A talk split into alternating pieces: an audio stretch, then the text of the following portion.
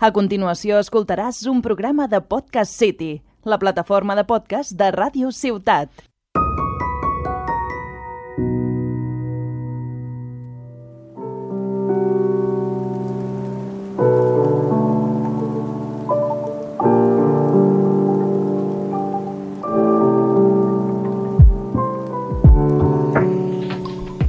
Hola, muy buenas a todos y bienvenidos al quinto programa de No nos cuentes tu vida. Hoy, como siempre, me acompañan mis compañeros Gisela Oli. y Arnau. Muy buenas a todos, guapísimos. Hoy es un programa especial sobre todo para mí, ya que el tema de hoy son anécdotas de hospitales, en el cual, si me permitís, quiero hacer un pequeño inciso y un saludo tanto al Hospital Valdebrón, que fue quien me arregló, entre comillas, las piernas. Bueno, me arregló porque, joder, como estaban antes. Y sobre todo, pues, eh, ya fumándome el triple, Vale, a, joder, a la doctora Alba, joder, Alba Gómez, sí. a la doctora Esther Toro y al fisio Noel Martínez. Aquí sí que me estoy jugando el triple, espero que sea eso. Me va a matar porque este encima se lo va a pasar, le voy a ir al tío, "Ah, no sé qué". Me va a partir las piernas como no sé su apellido. Que fueron las personas que me estuvieron tratando y, y han hecho de mí una persona que pueda caminar con tres piernas. Bueno, muy bien, como muy bien, como muy bien dice Álvaro, sí que es un programa muy especial para él, principalmente porque yo de repente leo en el Google Drive, chicos, anécdotas de hospitales. Bueno, Que no, sea, fue, no fue idea mía tampoco, te digo, porque claro. Bueno. esto- no, no, o sea, fue cosa más de Gisela que me dijo, ¿y si contamos nuestras historias? Yo, A ver, fue cosa de los dos, pero porque Hombre. es un sitio que, quieras o no, le podemos sacar mucha chicha. bastante, Se, bastante. se puede tirar por, por mil sitios esto y ya aquí pues vamos viendo. bueno, hablando un poquito de enfermedades, he de decir que tengo la garganta un poquito jodida, tengo un poquito de tos esta semana, espero que la semana que viene estar curado, veremos. A ver, a ver. Em, pero sí, si me escucháis hoy algún tos por ahí, soy yo. Sí. Así es. Álvaro, A ver. ¿qué eh, tienes que contarnos hoy? Pues Muchas cosas. Yo soy una persona que, ya que en su vida cotidiana problemas tiene pocos, pues he dicho, vamos a complicárnosla y que sean problemas físicos y de salud. Entonces, claro, empecé con una parálisis cerebral, Vale. que la cual, por suerte, cosas de la cabeza, parece que no me ha tocado alguna, nunca se sabe, pero no me ha tocado alguna en plan que tenga un tipo, pues eso, de problema mental. Vale. Eh, pero obviamente, pues la parte física ya ahí es cuando, cuando cojea un poco Hay cosas donde cojea. ¿sabes? Hay cosas donde cojea. Mi- la mi mano, escogida. pues hay una mano, una mano útil y una mano menos útil. Ujú. Y bueno, pues todo esto dije, está bien, Ujú. pero la vida dijo, vamos a subir un poco más la dificultad. Vale, vamos a ponerse Y lo más complicado. Los últimos 5 o 6 años ha derivado también en que por la parálisis cerebral o la lesión cerebral, no sé muy bien por qué, bueno, tampoco me lo han sabido decir en el hospital, también me ha dicho, pues el Pokémon ha evolucionado y ha aprendido epilepsia. Así que, Espectacular. pues nada, estamos con, con la combi completa. Bueno, la en verdad las cosas de la cabeza, o sea, el hospital, a ver, al final es como la parte del cuerpo que es más difícil de estudiar y saber qué causas tienen ciertas cosas. Es verdad que hay muchos estudios detrás de, ¿no? De, por ejemplo, gente que se ha dado golpes y cosas así. O sea, hay como, ¿no? Hay gente que sabe cómo dividir el cerebro en diferentes partes para saber localizar ciertos problemas y demás. Pero bueno, claro, eh, vete a No, no, es, que, de dónde... es que encima, claro, a mí me hacen, pues me han hecho resonancias magnéticas, de esto de que te ponen en el túnel este, ¿sabéis de las películas que hay Sí. un túnel enorme con una barra? Pues a mí me han hecho eso. Hostia, bueno, Me que han fue la hecho- foto que nos mandaste. La, la del pelo ese... No, no, eso es otra cosa. Ah, vale. Eso, eso es otra cosa que me hacen ahora, que no he visto muy bien, porque nunca pensé en esto, porque es confidencial no sé qué, y se lo mira el médico y te dice, bueno, pues esto sigue igual o no sé qué. Nunca lo he podido ver. Bueno, es que si Yo uno lo te que ve vi el es eso. cerebro te pueden hackear. ¿eh? Las, las típicas radiografías de toda la vida. Sí. Y claro, cuando me hicieron la resonancia, pues ahí sí que te enseñan un poco en plan de, mira, ¿qué es tu cerebro? No sé qué, porque el otro supongo que serán ondas que yo no entiendo, entonces Vale. dije, pues, no se lo vamos a enseñar porque pierde el tiempo. Que si hay algún médico que sepa cuáles son la, la prueba esta del gorro de natación con los electrodos, por favor, que se ponga en contacto conmigo, Y diga el tanto nombre. en el Instagram del, del programa como en el mío personal, y que me lo explique, que yo le estaré eternamente agradecido y le invitaré a un café o una cerveza o lo que la persona quiera. Tampoco nos flipemos, pero Bueno, lo de las radiografías tiene un poco de misterio porque yo, alguna vez que he sufrido alguna pequeña lesión o algo, me dicen, mira, como, te, como puedes ver aquí, o las ecografías, ¿no? ¿Ves al Ostras. Es un niño que porque se ve claramente... Yo no veo nada. no, en las- en- no, yo A las ver, fotografías sí que las veo. Sí, a Sobre ver todo si encima las algo mías roto. que tienen ahí como cuatro tornillos en la rótula que dices, está Vale. fresco. Ujú. Pues ahí ya dices, bien, bien. Sé que, sé que son mis piernas. Ecografías también me han hecho para mirarme los, los ovarios y, y yo, o sea, me- el señor, mi- mira, esto es un ovario, esto es no sé qué, y ves manchas de colores, bueno, de colores blanco y negro, vaya, Sí. y, y yo no, Sí, sí. yo tampoco distingo nada ahí, o sea, cero. Yo, mira Álvaro, mm, o sea, mm, me ha gustado mucho la parte de agradecimientos a todas las personas que te han tratado tal, pero es que deberías haber conocido en su momento a mi abuela en su pic, porque mi abuela tenía una técnica, que no sé si alguien que va a estar escuchando esto igual su abuela también la hacía, mi abuela hacía una cosa que se llamaba cortar el aceite, o que se le cortase el aceite, no te sé decir muy bien qué es. Yo me levantaba por la mañana, me encontraba mal y decía, oh, tal, me duele la tripa, no sé qué. Mi abuela decía, voy a cortar el aceite. No me cuentes qué historia hacía, santificaba algo, hacía el símbolo de la cruz, tal. Ella analizaba lo que estaba pasando y decía, uy, estás muy mal, vuelve a la cama. Lo hacía como más veces durante el día y se suponía que con eso me curaba. Hostia. Oye, yo tuve un catarro de la hostia, vino mi abuela a casa un par de días, curadísimo al par de días, de hacerme un poco... De repente me dice, que sepas, no, no, vino a la cama y me dice, que sepas que no se me ha cortado el aceite, mañana vas a estar bien. Buah. Y al no, día no. siguiente ya fresquísimo para Sí, jugar. No, no, si me fui a jugar un partido de baloncesto y todos, Joder. imagínate. No, no, por eso digo que si te hubiese pillado mi abuela en su prime, te cura en un momento. Esto de las piernas, nada, tranquilo, túmbate en la cama. Sí, sí, te, Mañana, la- te las pone rectas. ¡Qué locura! o sea, yo pasando penurias y ahí, sufrimiento con operaciones, posoperatorio, recuperación, y podría haber curado tu abuela. Sí, es sí. Espectacular. Bueno, mira aquí me ves, chaval sano, tal, Sí, sí. comiéndome dos Petit Suisse Maximis, Maxis en su momento y así Joder, me he quedado. y tan maxis.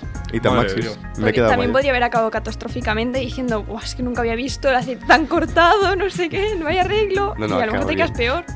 Acabé bien, acabé bien. Pero Álvaro, Por suerte. hoy hemos venido a hablar de ti. De mi libro. Ah, Hemos venido a hablar de tu libro, así Sí. que por favor, introdúcenos a tus historias, a tus historias más bizarras de Mira. un hospital, que empieza por Por oler mal, o sea, el hospital huele mal ya, o sea, yo entro ahí y me deprimo ya.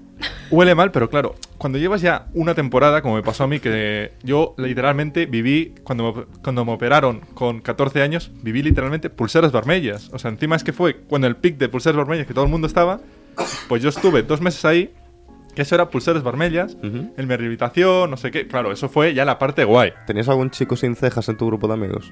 No, Vale. no, había un chico que era de un barrio San Adrià de Besós. No, no, no, no, me estoy liando. da su ubicación también. sí. Era, era un pueblo de Barcelona. Vale. El sitio era curioso porque tengo que decir que eh, pasaban su, pasaba sus especímenes, sus especímenes por ahí en el, en el hospital. Vale. Que si una pelea a cuchillos, que si a uno me han, tirado me han pegado un tiro en el culo. A uno le pegaron un tiro en el culo por estar viendo un partido de fútbol de su hijo. Ah, bueno. Y otro tío en Barcelona fue, cogió su coche, se fue a su casa, cogió la pistola, se volvió al campo de fútbol y le metió un tiro. O sea, espectacular. Madre Vale. Te Bueno, digo- claro, al final. La pinta del- de, aquel hombre era un poco de. Me meto en peleas habitualmente. O sea, no, no parecía su primer tiro. Eh, no, no, era curioso, era curioso porque veías gente. Pero propiamente hablando de mí, la primera anécdota de hospitales que tengo fue que el primer día que me fueron a operar, obviamente yo tenía 14 años y en esa época estaba con Pokémon a tope, Vale. que si los Gormiti, que si. Buah, tal.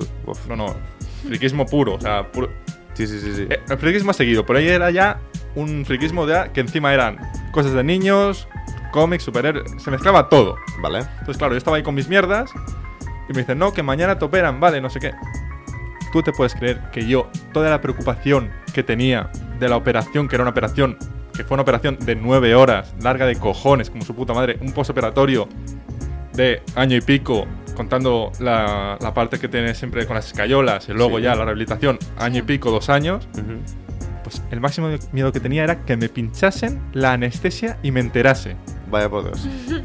Pues ojo, que al día siguiente, o sea, encima porque fue, fue súper rápido, se me lo dijeron un día y a la semana siguiente ya estaba operado. Imagínate cómo fue en Barcelona, fue espectacular. Pues bueno, eh, el día antes de la operación te sacan un poco de sangre, no sé, no sé cuánto era. Para mí era demasiado, porque a mí las analíticas lo odio. Vale. O sea, es top uno de fobias que tengo. No me pueden pinchar, nada. Las yo- agujas en general te producen. Horrible, sí, sí. Los, los tatus no. Que Ah, eso, vale. eso eh, está feo que lo diga, pero analíticas sobre todo. Vacunas tampoco, pero analíticas es como... No me mola, no. Ya, me da un poco de grima No, a mí también. Y la, la- la anestesia no me da miedo el pinchazo, pero luego he visto que la anestesia duele. Que es otro tema que quiero que ya, que ya comentaré luego. Vale. Pero bueno, la cosa es... Pues claro, me pincharon para la sangre. chaval de 13 para 14 años que iba a cumplir dos semanas después. Eh, entraron a la habitación donde me estaban sacando sangre 13 enfermeras del pollo que estaba montando, No. cada una trayéndome que si frutos secos, que si una Coca-Cola, para que me relajasen y me pudieran pinchar y estar Claro. 15 minutos tumbado en la camilla, tranquilo a mi rollo. No hubo cojones, Hostia. no hubo cojón. Ah, Es que me, gustaría ver Ya, el cuadro con, con de la, este encima con, una, con, la primera enfermera diciéndome, pero Álvaro, ¿no ves cuántas chicas te están viniendo aquí a prestar atención? Y yo, que me la suda, que no quiero yo esto, yo quiero que me dejen en paz, que no me pinchen, Claro. que no me pinches, coño. Ostras. Pues bueno, ¿Has obviamente... hecho alguna analítica tú, Gisela? Un montón. De- Uy. Sí. Gente curtida en batalla, Álvaro, por favor. Espabilamos. Sí, ¿eh? sí, No. yo también, yo también, por desgracia... No, yo creo que me debe ganar Álvaro, pero sí, un montón, porque, bueno, principalmente por el tema del acné, que tengo desde los nueve años, pues entonces me tenían que hacer analíticas para ver, pues, mm, si fallaba algo, porque normalmente es cosas hormonales y lo Sí. ves así. Y luego, sí, bueno, por historias de estas, cada muy poco tiempo iba a hacerme alguna, en plan, una al año seguro.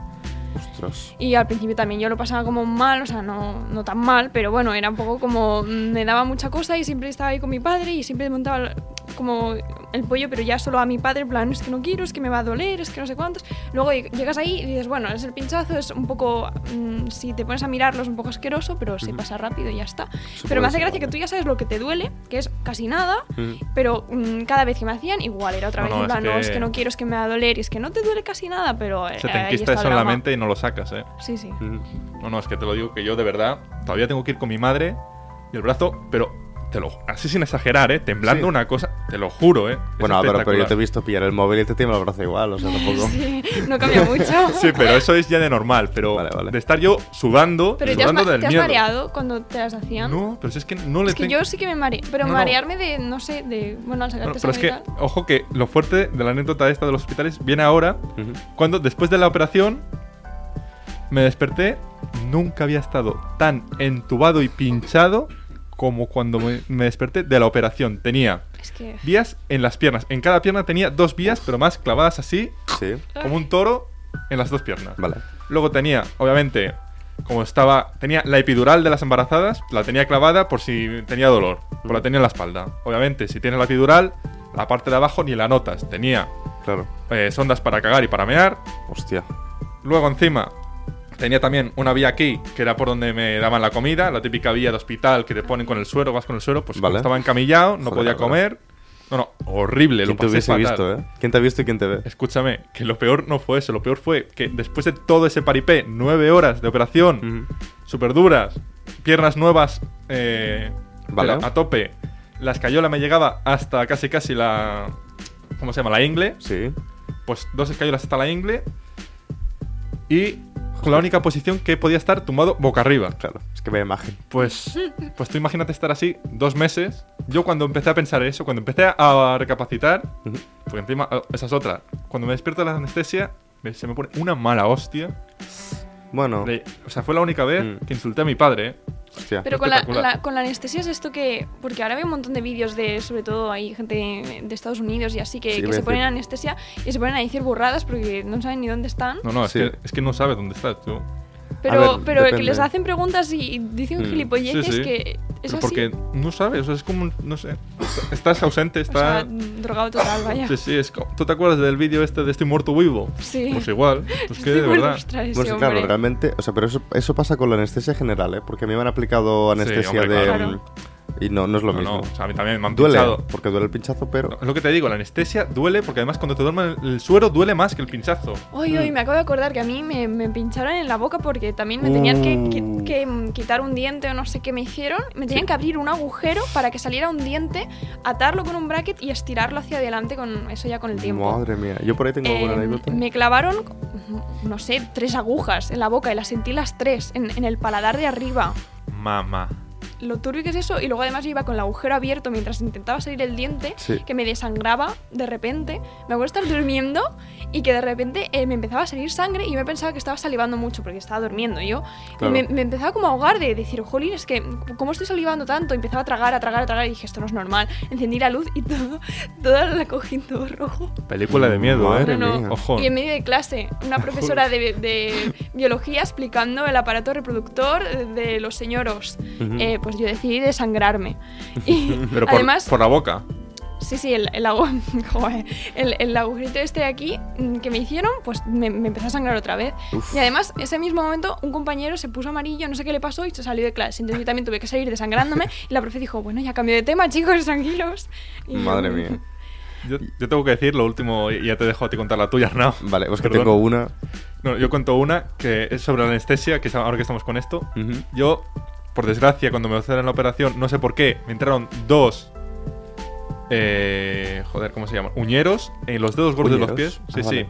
Que se te clava la, la- uña, se te clava en la Ah, carne uf, y te le empieza pasó a un eso, amigo. a sangrar y a. Pero, pero con pus. Se me hinchó el dedo. Tenía un dedazo que tenía que ir con sandalias abiertas. Mira, me ha dado hasta casi ganas de llorar, ¿eh? Tenía sandalias abiertas porque no se podía cerrar. Estuve con eso también Madre mía. y te lo juro que eso me lo tenían que operar porque era, una, era un... Sí. Me sacaron... Bueno, me- la uña que me sacaron, eso es ya de museo, ¿eh? Oy, oy, oy, oy. Me la, me la sacaron el tío diciéndome, nunca había visto un uñero tan gordo, ¿eh? Fue horrible. Pues te lo juro, me tuvieron que operar de eso cinco o seis veces, Sí. pero ya, la primera dije, no me lo sabía lo que era anestesia local, me pensé y dije, esto nunca más. La segunda y tercera, discutiéndome con el médico que me operase sin anestesia porque prefería que me rajase con el bisturí a que me pinchase anestesia. mía. Lo intentó el tío y ¿Qué? me dijo, yo más no puedo. Yo, que dale, que dale. Al final, obviamente, con 15 años, viene tu padre y te dice, cállate niño, pínchale, y te pinchan. Pero que tú estuvieras dispuesto a pasar por Era, eso sin anestesia, era qué horrible, era horrible. Ah, pero por favor, Además, que te pinchen lo- al menos y ya está. Lo, pedí- lo pedía yo de, no me pinches, rájame. Ese no tiene. Ostras, tú estás fatal. Te lo eh. juro, ¿eh? No, no, es que lo- yo cuando lo paso mal con algo es, no, me da igual lo que tenga que sufrir y me daba igual. O sea, yo prefería que el tío, el tío estuviera ahí hurgando y yo, y yo sintiéndolo, que no que me pinchase y tenía que sentir ese dolor. Es que era horrible. Hostia. Ahora sí, Arnau. Ahora me dejas. Bueno, Cuenta la tuya, cuando me ha pasado el ataque de tos, este momentáneo. em, Es que estaba bueno, todo calculado. Yo, pensaba, yo sabía que te iba a dar un ataque de tos y he dicho, me toca. Vale. Mira, voy a contar una anécdota que fue la de mm, cuando me quitaron por primera vez una muela del juicio. Yo fui al. Bueno, fui al CAP de, mi ciudad y tal. Y em, nada, no, no me habían. O sea, nunca me habían hecho nada en la boca, por así decirlo. Nunca he llevado brackets ni demás. He ido al dentista, obviamente, pero. em, nada, nunca me habían pinchado anestesia ni cosas así. Y me dijeron: em, Bueno, tienes las muelas del juicio que te van a salir no te caben en la boca, entonces te las tenemos que quitar. Pero, claro, no habían salido, entonces tenían que abrir primero. Vale, la cosa se pone peor. duro, yo, eh. yo entro ahí y veo que hay como dos enfermeras, ¿vale? Una persona que tenía una pinta de unos 50 años así, que asumí que era la doctora, y la otra persona que aparentaba unos 30, 30 y algo, y pensé, bueno, será como la ayudante, no entiendo que la persona que tiene más experiencia, tal. Bueno, fue al revés. claro, yo ahí me puse ya un poco nervioso porque dije, bueno, que al final, o sea, es gente que ha estudiado muchos Claro. años, no sé qué, pero bueno, me entró la tensión de, bueno, una persona un poco menos... Eh, experta, sí. Bueno, que igual la otra persona no tenía ni idea de abrir, un- ¿sabes? pero- Pero, bueno, Prejuicios. claro, yo pensé, sabrá más la mayor. bueno, total, em, me pincha la anestesia, que la anestesia te la pinchan en la encía, en ese caso, que si ya te das con que te pinchen en el brazo, No, no, no. que te pinchen en la encía da un asco terrible. Em, nada, y me dice, vamos a empezar con el, con el tema. Estaba mi madre conmigo, em, porque me lo contó ella. El, claro, yo me tumbo, abro la boca, tal, me dice, deberías empezar como a sentir como que se te duerme el labio. Se me empieza a dormir el labio, no sé qué, dice, vale, voy a empezar. Me abre la encía, tal. Bueno, noto un poquito de, de, de pinchazo y tal, pero dije, puedo aguantar. La señora me dijo que si me dolía, que levantase la mano. Típica pregunta trampa. Pregunta Es trampa. trampa, Levanta, la trampa. mano que me la suda. Claro, claro. Em, bueno, efectivamente pasó eso. De repente veo que se empieza a sacar herramientas de Bob Almanetas, me las empieza como a meter en la boca. Yo sentía cosas, pero bueno, tal. Y la señora veo que empieza como a hacer fuerza. Yo veo en su brazo que se empieza a armar el bíceps de que está tirando tal, pero veo que, que no acaba. Y yo dije, ¿cómo de largo es esto, no? Yo con la boca abierta la señora tirando, tirando. Veo que empieza a sudar. Yo sudando también, bueno, porque me estaba empezando a doler tal. Me estaba agarrando la silla con los dos brazos, pero a nivel de que de repente mi madre se puso ya a rezar en la Ave María porque me ve, me ve con los brazos. Claro, tú imagínate el rato que estaba yo haciendo fuerza en la silla, que se me empezaron a salir todas las venas de los brazos a marcar y mi madre pensaba que le iba a meter un puñetazo a la señora porque se me estaba poniendo una cara. Claro, yo de repente empiezo a levantar la mano pidiendo la hora diciendo, pínchame otra vez, por cambio, favor. cambio, por favor. Cambio, y me- lo que me pinchan y me vuelve a hacer efecto de nuevo porque lo estaba pasando fatal, me cuenta la chica, es que estoy tirando, pero cuando tiro y la quiero volver a agarrar, se me va para adentro otra vez. Y yo dije, pues tira más fuerte de una, por favor. Claro, yo con la lengua dormida y empiezo, pues acaba con esto. No, es que sí. Claro. Nada, sigue tirando, tirando. Bueno, un sudar, llevaba una camiseta azul claro encima. Yo no pensé, bueno, salí con una camiseta azul marino. Bueno, nada, mi madre también que estaba ahí a- a- al borde del, del mareo, del, bueno, de la situación. Yo ya que se me, no se sabía si estaba llorando, sudando, ya no sabía qué estaba haciendo. Y nada, bueno, espectacular, la No, verdad. no, No, es no. que esas cosas. No, no, tuve agujetas luego el día siguiente en los brazos, ¿eh? Es que ves, De- de por eso, apretar. suerte que en la boca me han dicho de, hostia, tienes, porque yo lo sé, tengo las encías hinchadas y tal, y alguna dentista me ha dicho, esto con un tratamiento, no sé qué, que encima fue una que, que la tengo cruzada ya, no he vuelto nunca, porque Epa. a mi padre también se lo dijo y le, y le tuvo que hacer eso de pincharle la boca, abrirle la encía como tres o cuatro veces. Dije, no, no.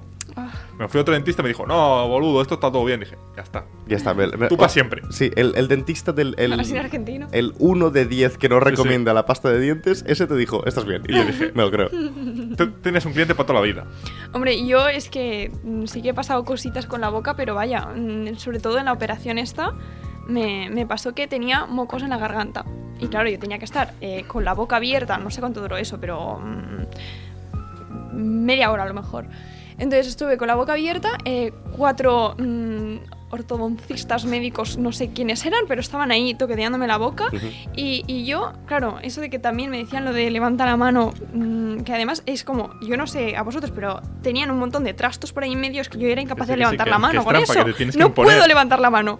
Pues nada, estaba muriéndome con los mocos y entonces, claro, yo decía, es que no puedo, o sea, es, literalmente no puedo mover la lengua para intentar tragarlos de vuelta o, o sacarlos, es que, era imposible hacer nada. Me estaba empezando a ahogar con mis propios mocos y yo levanté la mano como, después de estarme mucho rato aguantándome, eh, intenté hablar, porque no podía hablar porque tenía mil cosas en la boca y yo como, "Ojo, no- no tengo ojos. Y la, la señora, la señora eh, eh, intentando decir, bueno, con el aparato este que chucla, Sí. intentando chuclarme los mocos en la garganta, Madre no pudieron mía. y me tuve que aguantar con los mocos ahí ahogándome hasta que acabaron. Lo pasé muy mal. Bueno, Joder. yo es que, claro, aquí estáis contando vosotros historias de dolor. Yo es que de dolor nada, pero yo te digo que es más bien, pues para el tema de la semana que viene, del podcast que viene, de la semana que viene, de conseguir relajarme y conseguir tener un estado de. Estado zen, ¿no? Sí, estado zen de decir, bueno, es lo que hay a tragar. Que yo creo que ahí es donde conseguí yo el sudapollismo que tengo de, bueno, pues sale mal, pues sale mal. Claro. Porque, ¿qué le vas a hacer? O sea, es porque esa situación era extrema, era de. Estás agobiado, la situación te está superando. Te puedes o poner histérico, gritar y todo lo que tú quieras, Claro. O lo asumes porque no va a cambiar. Por mucho, hister- por mucho que grites y muy histérico que te muevas, no lo vas a, sol- a solucionar. Pues aguántate, resígnate y ya está. Y yo creo que es un poco el pecado que tengo ahora mismo que también me pasa, que es en plan de, tengo este problema. Pues oye, pues, Bueno, ya lo da igual. solucionaré, ¿no? Sí, Sí. ya se irá. O, ya no te afecta el estrés. y ahora es que estoy así, o sea, es mi plan de vida. Bueno, a ver, Es yo es que... No, pero es que, escucha, Sí, sí. es que fue muy, fue muy gordo. El primer día, el postoperatorio, el primer día, que creo que esto no lo he contado. Sí, Bueno, he empezado a contarlo, pero me he quedado a medias, porque Ah, bueno. me he quedado a medias.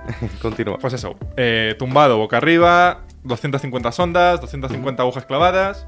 Yo, eh, nivel estrés, el máximo de mi puta vida. Y, claro, no me podía mover porque estaba boca arriba, no, te- no sentía las piernas, no sentía la mitad de mi cuerpo para abajo. Y se me ocurrió hacer, Vale. que fue mi método de relajación esa noche. No dormí en toda la noche. Y solo escuchaba a la enfermera de turno que estaba haciendo guardia. Ay, que pesado el resoplador. Dije, pero a ver, señora, porque no me puedo levantar y le doy una hostia. O sea, tú, tú me has visto cómo estoy. que estoy en la UCI, aquí, pasando la noche, sin poder moverme, y no vas a dejar de hacer eso, pues le molesto a la señora. Es que eso lo tengo inquistado aquí en el pecho, ¿eh? O sea, como me encuentre a la señora por la calle un día, que suerte que no me acuerdo de nadie porque no iba sin las gafas, le cruzo la cara.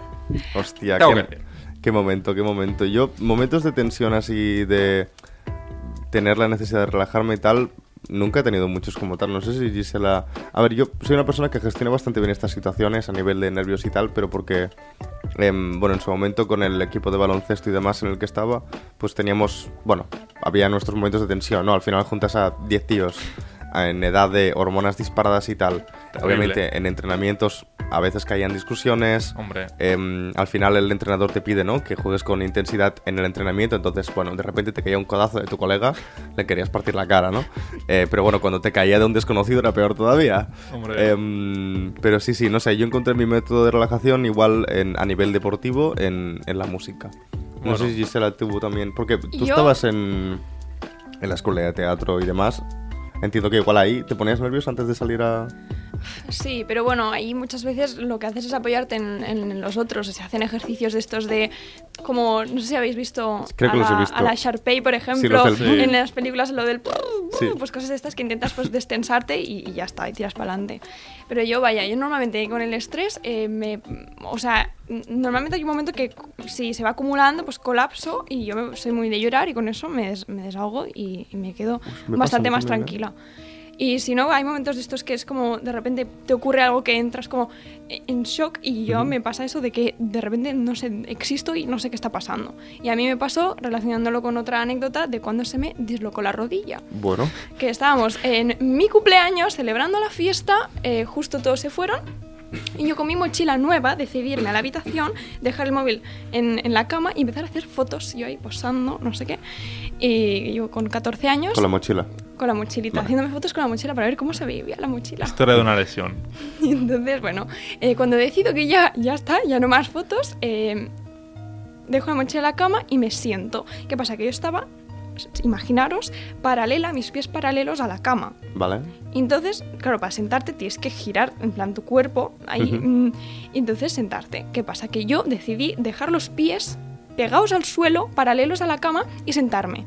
Ese movimiento extrañísimo que hice, que no Sí. sé muy bien por qué, eh, se me salió la rodilla al sentarme. O sea, me senté y se Pero me salió movimiento, ¿no? la rótula, mm, salió de su sitio. Pero con qué poder te sentaste. Terrible, tú. Yo no, tampoco lo sé, pero se me salió pues súper fácil. Además, es que apenas, lo- o sea, no lo noté. En plan, lo que pasa es que además llevaba falda, plan, Mm. me estaba viendo la rodilla y vi cómo se salió. O sea, la estaba mirando en ese momento. Uf, guau. Vi literalmente como hacia ahí, como un bulto, como las películas estas de. Bueno, no me acuerdo de qué son, pero que se en- entran bichos en la piel y ves como un bulto. Pues yo lo sentía como si tuviera eso, ahí una cosa Ujú. viva que se movía hacia un lado. Y, y claro, yo ahí entré como en shock, en plan, ¿qué, qué- acaba de pasar? Además, casi no me dolió, en plan, fue como, mm, e- existió el movimiento ese y Ocurrió, ya- sucedió y y estaba yo ahí. tuve la bendición de que estaban mis dos padres, que como se había to- ido todo el mundo hace nada, pues estaban mis dos padres por ahí pululando, que mm, normalmente me hubiese encontrado yo eh, sola en casa o vete a saber, mm, y además estoy en, en una planta de arriba, Ujú. Entonces mm, hubiera tenido que hacer no sé el qué para sobrevivir. Pues nada, me puse a gritar como loca, en plan, papá, papá, papá. Entonces llegaron los dos corriendo, en plan, ¿qué está ocurriendo? Me vieron ahí con la rodilla afuera. Madre de Dios. Mi madre se sentó a mi lado a intentar consolarme y mi padre dando vueltas en plan, ¿qué hago? No sé qué. Me intentó, me intentó coger para llevarme al coche y yo no, no, porque si me... Con la si- pierna colgando. Si, si me movía sí que me dolía muchísimo, o sea, no podía moverla. Entonces llamaron a una ambulancia, vinieron dos señores, eh, me inmovilizaron la pierna Sí. y me llevaron, bajándome las escaleras así, me llevaron a la ambulancia. El traqueteo ya me molestaba, pero Sí. al tenerla inmovilizada pues casi nada.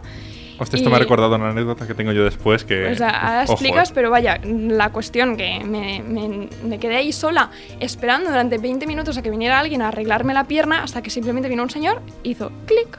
Literalmente la volví a su sitio, no noté nada y yo, tío, todo esto, pues si me lo hubieran hecho los señores de la ambulancia me dejaban tranquila. Pero bueno, me tenían que como, como inmovilizar Hmm. Pero- la pierna durante dos semanas. Hostia, pero ¿no te dolió el volver a poner No, el... es que no me dolía nada, o sea, me dolía si me movías la pierna con la rótula fuera, pero Vale. el movimiento de la rótula es que pf, apenas lo noté. Hostia, No, es no. que tengo un colega que sí, que en una excursión se cayó y se dislocó el hombro.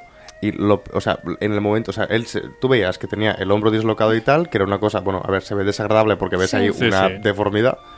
Eh, pero el momento que peor lo pasó fue cuando se lo volvieron a colocar. O sea, el momento en el que él está ahí y se le tienen que volver a poner el hombro en su sitio, en ese momento lo pasó fatal. Por eso Supongo me ha sorprendido el, el- No me dolió ni nada. Tendrá que ver también un poco la práctica que tenga la persona que Claro, coloque. Es que si el otro no tiene ni, ni puta idea, te dice, No, mira, pero todo un esta brazo esponja". es- yo creo que es mucho más complicado. Aquí moví el huesito y ya está.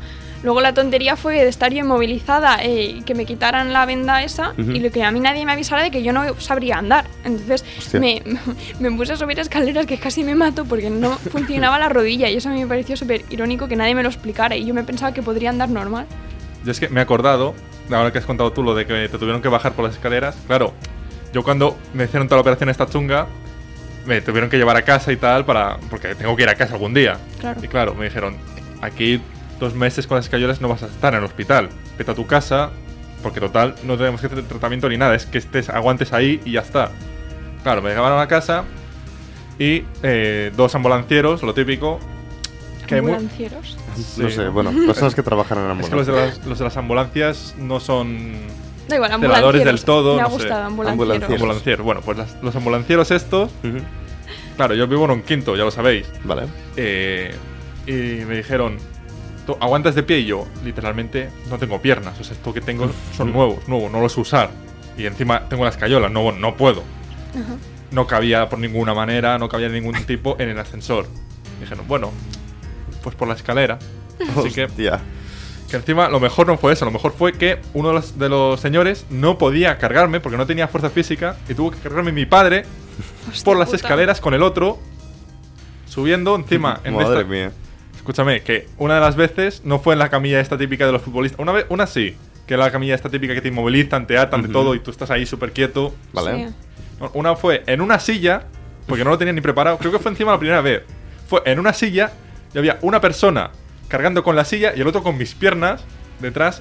Fue horrible. Madre mía. Fue, o sea, literalmente, eh, el tramo más largo de escaleras que se ha visto nunca. Porque yo creo que Más Una- que el de cuando subimos a casa de Paul, que era un tercero sin ascensor. está ya ahí. Lo Vale. que pasa es que ya te digo que no era, no era, no lo hacía yo. Vale, vale, te Me subían, llevar. me cargaban, sí. Y claro, ha de ser incómodo. Eh, yo creo que unos 40 minutos, 45 minutos estuvimos ahí, ¿eh? Pero claro, eran sube, sube, sube, poco a poco para no partirme las piernas, Ujú. y- porque encima estaba todo con puntos. Era Claro. literalmente Uf. el, de, el Oogie Boogie este, el malo de, PS de antes de Navidad, que le tiras de un hilo, se desprende todo. Pues yo literalmente era eso. Tiras- me tiras de un hilo, se me caen las piernas. Entonces, claro, ahí junto, corre, corre, junto a algo que no se desmonte, Ujú. pues cinco pisos hasta arriba. Madre mía. Vamos, mi padre sacó unos bíceps, sac- se Sí, sí, puso sí. un tipo Se de la puso puta fuerte. ¿no? Ese hombre ya no... Entre el metro 98 que mide y lo mamadísimo que se quedó, no le soplaba ni Dios. Espectacular, tío. Yo lo que me pregunto en ese momento es como una persona que está sentada en una silla, lo están cargando, mantiene la calma, ¿no? O sea, es de verdad un tema para analizar. Porque, o sea, me encuentro yo en esa situación de que me están cargando personas que no conozco y mi padre. em, cinco pisos durante 40 minutos. Joder. Entras en modo automático. Ver, tú es que- dices, bueno, tú existe Sí. hasta que de repente esta situación. Sí. Sí. Voy a intentar no tirarme un pedo. No, o sea, yo no sabría llevarlo de otra manera. Al final es como, pues eso, dices, estamos aquí, pues para adelante, ¿no? Que Claro, claro, ¿dónde, dónde vas a ir, no? Sí. Situaciones bastante surrealistas, Sí, sí. madre mía. Bueno, yo espero que a nadie que está escuchándonos, a nadie le, le ocurran estas situaciones, que esté todo bien, porque a nosotros se nos ha liado un poco, pero, pero bueno, de todo se sale. Bueno, sí, más o básicamente menos. la... to- estamos aquí, ¿no? Estamos vivos, Estamos vivos. Sí, sí. aguantando y... Hostia, lo último también tengo que decir, como último mensaje, eh, No nos Mensaje. deja acabar. Sí, es que, que en los hospitales tampoco se está tan mal, que lo pintan muy feo. Yo, literalmente, cuando estaba en el hospital, eh, bueno, hice un grupo de amigos del hospital, Sí. eh, pero además bastante bueno, bastante grande. encima, literalmente, teníamos señores de 50 años que lloraban. Un señor lloró cuando le dieron el alta porque estaba súper súper a gusto en el hospital, jugando con las cartas con nosotros, al uno, al. Monopoly. Eh, fue espectacular ese día. Que es que volver al curro. Que Obviamente, estaba difícil. Eh, encima teníamos, veíamos partidos de fútbol. Yo no sabía, esto es un hack que voy a decir a todo el mundo, Cuidado. O, sea, esto es importante. Si vais a un hospital y tenéis que estar ahí, se puede pedir comida a domicilio al hospital y te lo llevan a la habitación del hospital. Yo no lo sabía. Pedimos pizzas, eh, kebabs, hamburguesas, de todo. Era flipante. O sea, no, Estaba el colega del Llamaba- kebab que se sabía la habitación de... Eh, espectacular. Llegaban y mira que era un hospital arriba del todo. Tú decías, sí, en el hospital, no sé qué, no sé cuánto, la planta, no sé qué, la habitación. Llegaba el tío con la mochila y te daba la... Era espectacular. Increíble. Te lo digo, o sea... Oye, escúchame. mucho eso. Me la apunto, por si alguna vez tengo que estar Es más de un día en es el importante. hospital, Sí, me sí. pido un globo o algo. Hombre, Hostia, pues sí, sí, sí. Es curioso, es. Obviamente, si tienes algún tratamiento de comida, no lo puedes hacer, pero si Claro, no... claro. Bueno, claro. Obvio, obvio. Co- confiamos en que la gente sea responsable. Sí. Pero bueno, hasta aquí el programa de hoy. Espero que os haya entretenido, ha sido un poco, un poco turbio, pero por eso en el siguiente vais a poder calmaros escuchando nuestras técnicas de relajación, porque después de esto creo que es bastante necesario. Exacto. Porque en situaciones así mm, Es es, que ha, sido, difícil. ha sido un programa bastante tétrico, ¿eh? Por momentos. Sí, pero bueno, esperemos que se hayan divertido. Ujú. Ya nos lo diréis en nuestro Instagram, no nos cuentes tu vida barra baja. Así que bueno, nos vemos en el próximo. nos vemos en el próximo capítulo. Hasta luego.